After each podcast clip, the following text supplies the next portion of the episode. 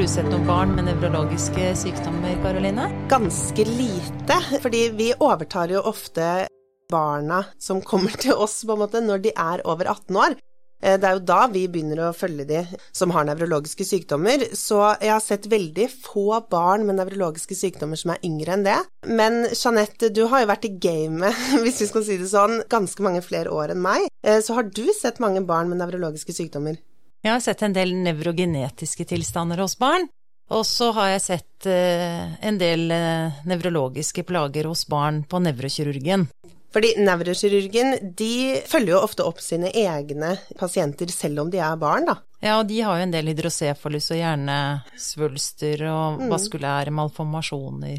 Men generell barnenevrologi, det kan jo egentlig vi ganske lite om. Så derfor har vi fått med oss litt hjelp i studio i dag eh, av en barnenevrolog. Ja, og Anette Ramm Pettersen, du jobber på Oslo universitetssykehus, og du har kommet til eh, oss. Velkommen.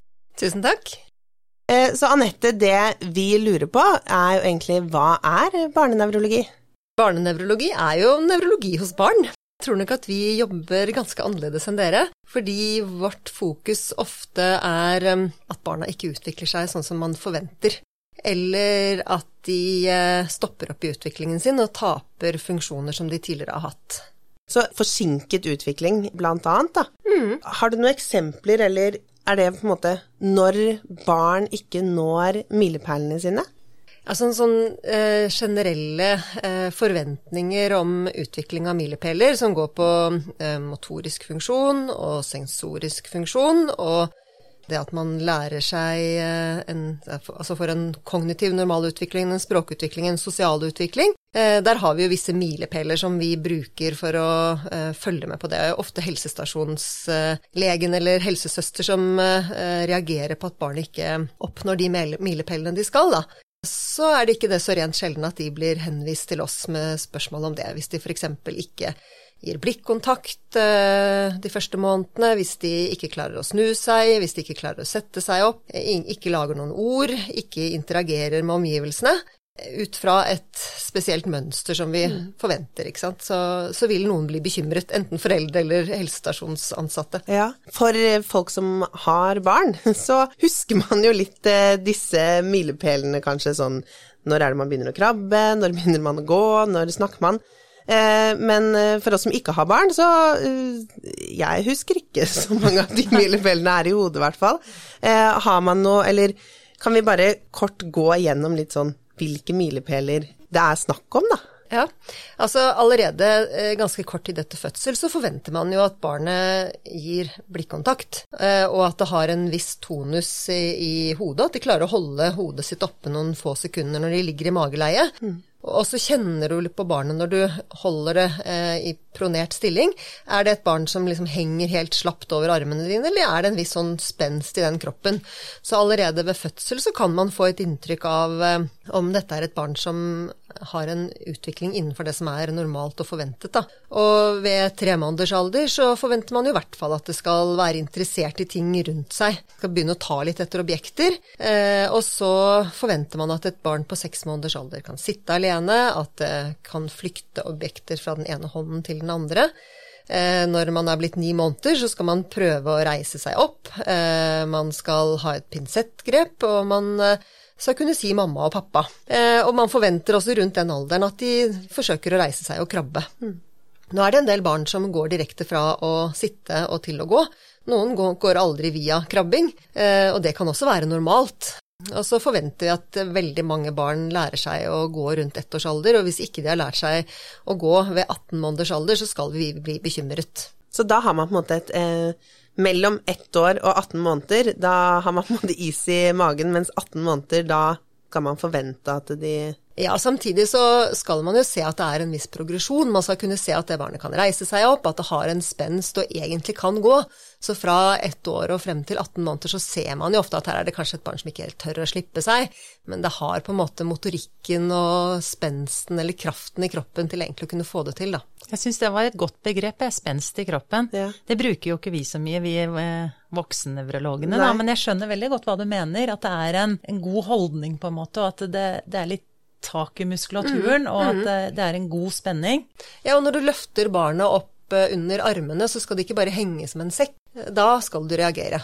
Og så er vi jo opptatt av det med interaksjon med andre.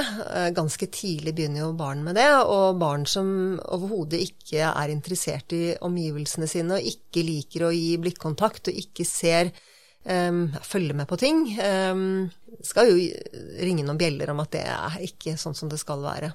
Mm, jeg kan jo dra litt linjer til uh, voksen igjen, da. For jeg tenker at uh, ved nevrodegenerative lidelser så tapes jo blikkontakten mer og mer også. Så det med å følge litt mer på blikket igjen når det skjer ting med tanke på demenser, parkinson, så er det jo det med øyemotlighet, men også blikket, mm. syns jeg er veldig påfallende.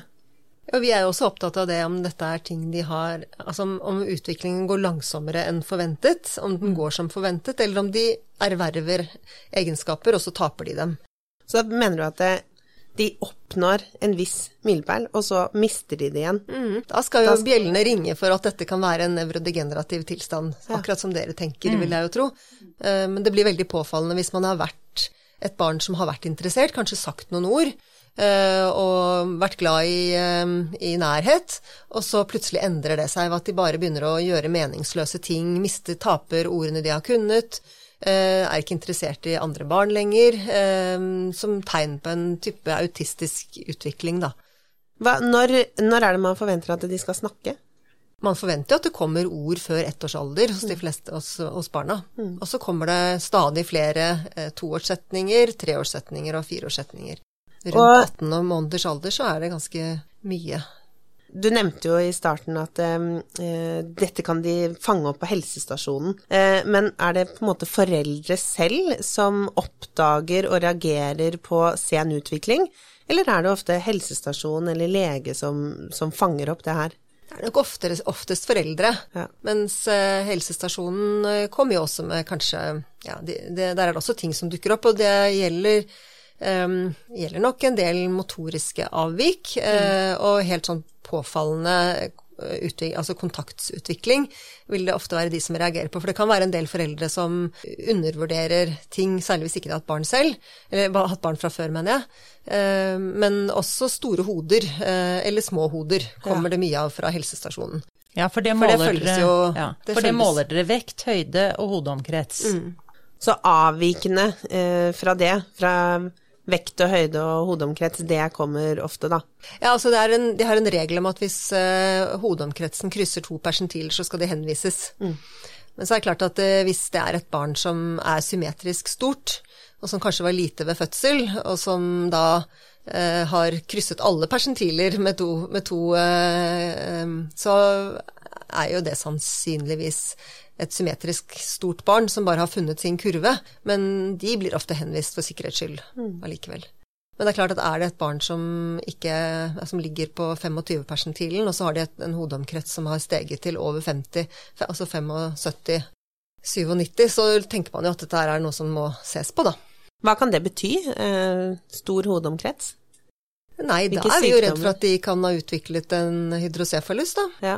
Så det er, det er det første Først og fremst så finnes det noen sånne genetiske syndromvarianter som uh, vi kan teste for, da. Mm. Eh, men du nevnte frem til 18 måneders alder, men eh, så er det jo en litt milepæler videre fremover også. Men, men, er det sånn at dere har på en måte et litt sånn topuklet henvisning, at det er veldig mye tidlig? fordi når de ikke utvikler seg normalt, og så kommer det på en måte litt nye sykdommer etter det? Nå var det litt flere spørsmål her, men Ja.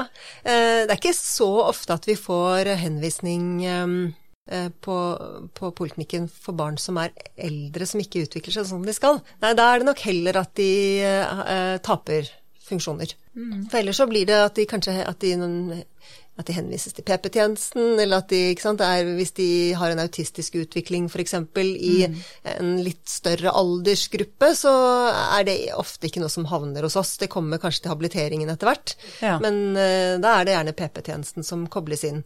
Um, men, men, hvis de får et motorisk avvik, så mm. kommer de ofte til oss. Hvis, de hvis, det er et barn som har utviklet seg normalt, og så ser man plutselig at de halter litt, da, eller er litt stiv i den ene foten, og så viser det seg at det kanskje er et barn som har, har en bitte liten CP. Det dere ser er ganske mye frem til 18 måneder som ikke er normal utvikling. Men hva er det som det, Når jeg har vært eh, sammen med dere, så syns jeg det er veldig vanskelig å, å vurdere for hva er umoden motorikk, og hva er egentlig eh, utfallet. Da er vi over litt sånn på neste tema, eh, med tanke på hva, hva, er det som er normalt av type grimasering, litt sånn rykninger det, Barn, jeg husker jo selv da jeg hadde barn, de gjorde jo så mye rart. Så hvordan mm. klarer dere å skille det? Ja. jeg sier ikke at det er enkelt. Nei. Veldig ofte så, så det, altså det, kommer selvfølgelig an på hva, hva spørsmålsstillingen er. Ja. Men, eh, men, eh, i mange tilfeller så bruker vi jo vi eh, andre yrkesgrupper også for å hjelpe oss. Altså når, når ja. de kommer til oss på, på poliklinikken, så gjør vi en, en nevrologisk undersøkelse som vi har snakket om, da som, som for store barn som kan samarbeide, ofte ligner på det som dere gjør i voksennevrologien. Men hos oss, uh, mens, mens hos de minste barna, så blir det ofte å observere hvordan de takler å gjøre forskjellige ting. Hva kan de? Ja. Eh, hvordan beveger de seg i rommet? Hvordan plukker de opp små objekter? Kan de legge, sette perler på en snor? Kan de blåse såpebobler? Ja. Kan de flytte på en stol, f.eks.? Kan de hoppe? Hoppe, kan de løpe, kan de gå? Hvordan, hvordan er fotavviklingen når de løper i gangen, f.eks.? Så dere leker litt med dem? Leker litt med dem, ja. ja. Og så blir, ender det ofte med at hvis vi får en mistanke om at det er et eller annet som har med motorikken å gjøre, så henviser vi veldig ofte til en fysioterapeut ja. som gjør standardiserte tester. Fordi det er eh, ikke ikke alltid så veldig enkelt å, å, å, vurdere det på en sånn halvtimes eh, konsultasjon på, på poliklinikken. Nei, og hvis noen har observert noen rykninger eller noen rare bevegelser, så må dere kanskje legge inn også for å, for å ja, se altså, det, eller? Vi, vi, oppfordrer veldig ofte foreldrene til å filme når de har sett ja. forskjellige fenomener, og det er de ganske flinke til. Og hvis dette er ting som forekommer ofte, sånn at de kan vise oss det. Eh, og i veldig mange tilfeller så ender vi med at vi i hvert fall må ta et EG for å se se om det kan være en epilepsi. Mm. Eh, og noen ganger så må vi gjøre døgnjeger for å se om hvis det er nattlige fenomener, for å skille på det som dreier seg om eh, eh forskjellige søvnforstyrrelser, eller om, om det bare er ja, myoklonier som er innsovningsmyoklonier istedenfor eh, altså epileptiske myoklonier. For det har jeg lurt veldig på, hvordan dere egentlig gjør en nevrologisk undersøkelse på så små barn. Mm. Eh, for det er jo eh, Bare med voksne kan det være litt vanskelig å få de til å samarbeide til å gjøre en god kraftundersøkelse eller sensibilitetsundersøkelse eller mm. ta refleksene. Mm. Eh, men så da er det jo mest observasjon dere gjør av de aller minste, da. Ja, det, av de aller minste så blir det mye observasjon. Men det er klart mm. at når du skal se på en baby eller et uh, lite barn, så, så, får du veldig mye informasjon av å gjøre det. Du, er det noen syndromale trekk? Er dette et barn som ser ut som det har utviklet seg sånn som det skal? Er det et kjempestort hode, eller er det et bitte lite hode? De, er det avvikende trekk ved barnet? Og, og, så er det dette med kognisjon. Skjønner de hva jeg sier? Eh, ser de på meg? Har de god interaksjon med meg? Eller hvordan er interaksjonen mellom mor og barn? Eh, og så dette med å kjenne på motorikken, få kjenne på barnet, løfte på barnet, få barnet til å reise seg, plassere dem i en krabbestilling, eh, plassere dem i, i mageleie og se om de bare legger seg rett ned. Hvordan ligger armer og ben, som gjør at du kan si mye om motorikken bare ved å, å observere. Og så når de da blir eldre, at du ber dem om å gjøre ting. Mens eh, det er overraskende hvor flinke de kan være til å samarbeide rundt en nevrologisk undersøkelse ganske tidlig, hvis de har normale kognitive eh, forutsetninger, da. Mm. Uh, og det, det syns jeg barn allerede i fem-seks-årsalder kan være kjempeflinke til å gjøre en nevrologisk undersøkelse. Jeg syns det kan være ganske morsomt. Så vi kan få ganske mye ut av det. Men hvordan er det å slå reflekser, da? Er det like lett? Det er ikke alltid så lett. Men vi er ganske gode på sånn type avverge. ikke sant? Du skal ja. slå patellarefleksen, så får du dem til å dra i hendene. Ja, så kan du få, ikke sant? Det er mange, sånn, ja, mange ting vi kan gjøre. Ja. Men um, det er jo uh, det er jo ikke så mye ren nevrologi uh, å finne hos barn, altså fokalnevrologiske tegn, som jeg tror at dere ser i, i voksen alder. Sånn at um, jeg syns vi gjør utrolig mange nevrologiske undersøkelser, og jeg går gjennom hele listen uten at jeg finner noen ting som er helt sånn typisk fokalnevrologisk, men det er allikevel noe med barnet. Det er ja. et eller annet som du er bekymret for, da. Mm, så det er den observasjonen, for det syns jeg har lært veldig mye av dere. Den observasjonen dere gjør, som er veldig viktig. Mm. Som vi også gjør, men man må ha litt trent øye for å ta det. Så hvordan ja. lærer dere opp nye barnenevrologer? Hvordan lærer man det, på en måte? Det Ja, det, jeg tror det på, går rett og slett på massetrening. Man må ja. se mange barn. Man må se mange friske barn for å kunne skille de som ikke er, eh, er friske. Og jeg tror at vi som barnenevrologer har mye å lære av dere når det gjelder fokalnevrologiske funn, fordi ja. vi nettopp ser så lite av det. Så vi undersøker veldig mange barn uten å finne så mye. Ja, eller det jeg lurer på, er jo eh, For dere finner jo faktisk eh, en del som vi ikke finner. Det er disse primitive refleksene ja. eh, og Babinski, eh, som kanskje er normalt eh, på veldig små barn, i hvert fall. Mm. Eh, som vi eh, reagerer jo på hvis vi finner disse tegnene, da. Ja. På, de, på, små, på spedbarn og nyfødte så er det jo først og fremst de primitive refleksene vi ser etter. Mororefleksen skal være utløsbar, og den skal være symmetrisk. Og vi ser etter griperefleksen i, arme, altså i, i, hender og føtter, og vi ser etter uh, sugerefleks og, og ja, overlevelsesreflekser, rett og slett, som, som, er til stede fra fødsel, og som skal være der for at de skal kunne overleve. Mm. Ehm, det finnes jo flere av dem, og de fleste av de refleksene de forsvinner rundt 6-12 tolv måneders alder. Okay. Um, og, men de kan jo komme tilbake i forbindelse med, med sentral nevrologisk sykdom senere i livet, som kanskje dere ser, og som vi ganske sjelden ser. Uh, men, uh, men også er det Babinski, som du, som du nevnte, og den er jo normalt positiv hos barn helt opp til to års alder. Ja, så den er til to Dere kan se mm, den til to mm, års alder. Mm. Ja. Men den skal jo helst være lik, da, ikke sant? Og det er det eneste vi kan forholde oss til, da, at eh, den er lik ja, på begge sider. Ja, vi ser jo av og til eh, det, griperefleks, eh, men, men, det er ikke så ofte jeg har sett. Men, og ikke sugerefleks heller, men snaut. Ja, og glabella. Gla, glabella tapp. Mm.